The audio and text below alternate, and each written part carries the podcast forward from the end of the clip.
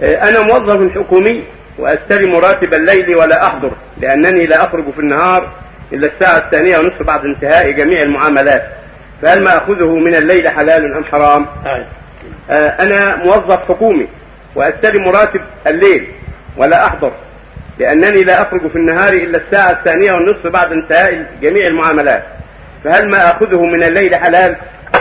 الذي يظهر ليس بحلال ما دام لا تحضر فلا ينبغي ان أن تأخذ إذا كنت تعمل. إذا كان ما عمل تخبرهم اني ما اعمل ولا اريد هذا الشيء. نعم.